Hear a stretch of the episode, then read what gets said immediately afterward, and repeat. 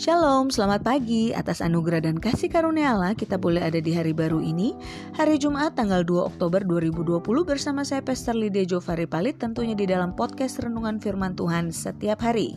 Saudara, Renungan Firman Tuhan pada pagi hari ini saya beri judul Orang Percaya Jangan Malu Karena Kristus terambil di dalam 2 Timotius 1 ayat yang ke-8, Janganlah malu bersaksi tentang Tuhan kita dan janganlah malu karena aku seorang hukuman karena dia, melainkan ikutlah menderita bagi Injilnya oleh kekuatan Allah. Saudara, sering kali kita menjumpai ada banyak orang Kristen merasa malu membuka jati dirinya sebagai pengikut Kristus karena berbagai alasan tentunya. Entah takut dijauhi teman, takut dikucilkan, takut ditinggalkan relasi bisnis, takut popularitasnya anjlok, dan lain sebagainya.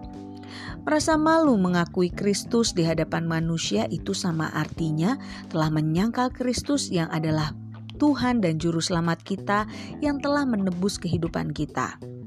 Lukas 9 ayat yang ke-26 mengatakan, Sebab barang siapa malu karena aku, dan karena perkataanku, anak manusia juga akan malu karena orang itu, apabila ia datang kelak dalam kemuliaannya dan dalam kemuliaan Bapa dan malaikat-malaikat kudus.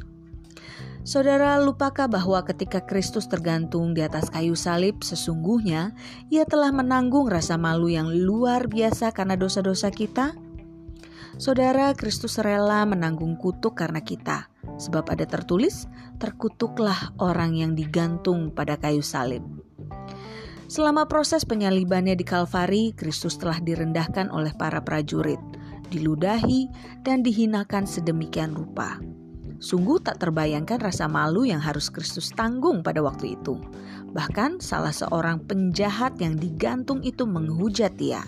Katanya, bukankah engkau adalah Kristus? Selamatkanlah dirimu dan kami.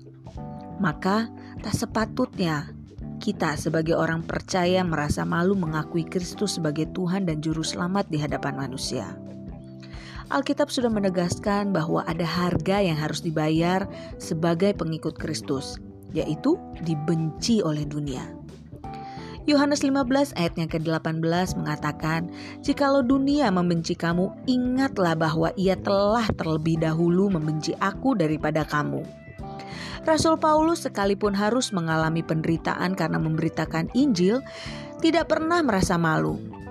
2 Timotius 1 ayat yang ke-12 mengatakan, Aku menderita semuanya ini tetapi aku tidak malu, karena aku tahu kepada siapa aku percaya, dan aku yakin bahwa dia berkuasa memeliharakan apa yang telah dipercayakannya kepadaku hingga pada hari Tuhan.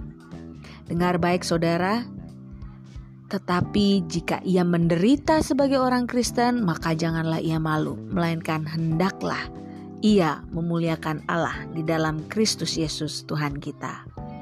Mulailah hari ini dengan membaca, mendengarkan, dan merenungkan firman Tuhan, dan hiduplah di dalam ketaatan serta sukacita Allah.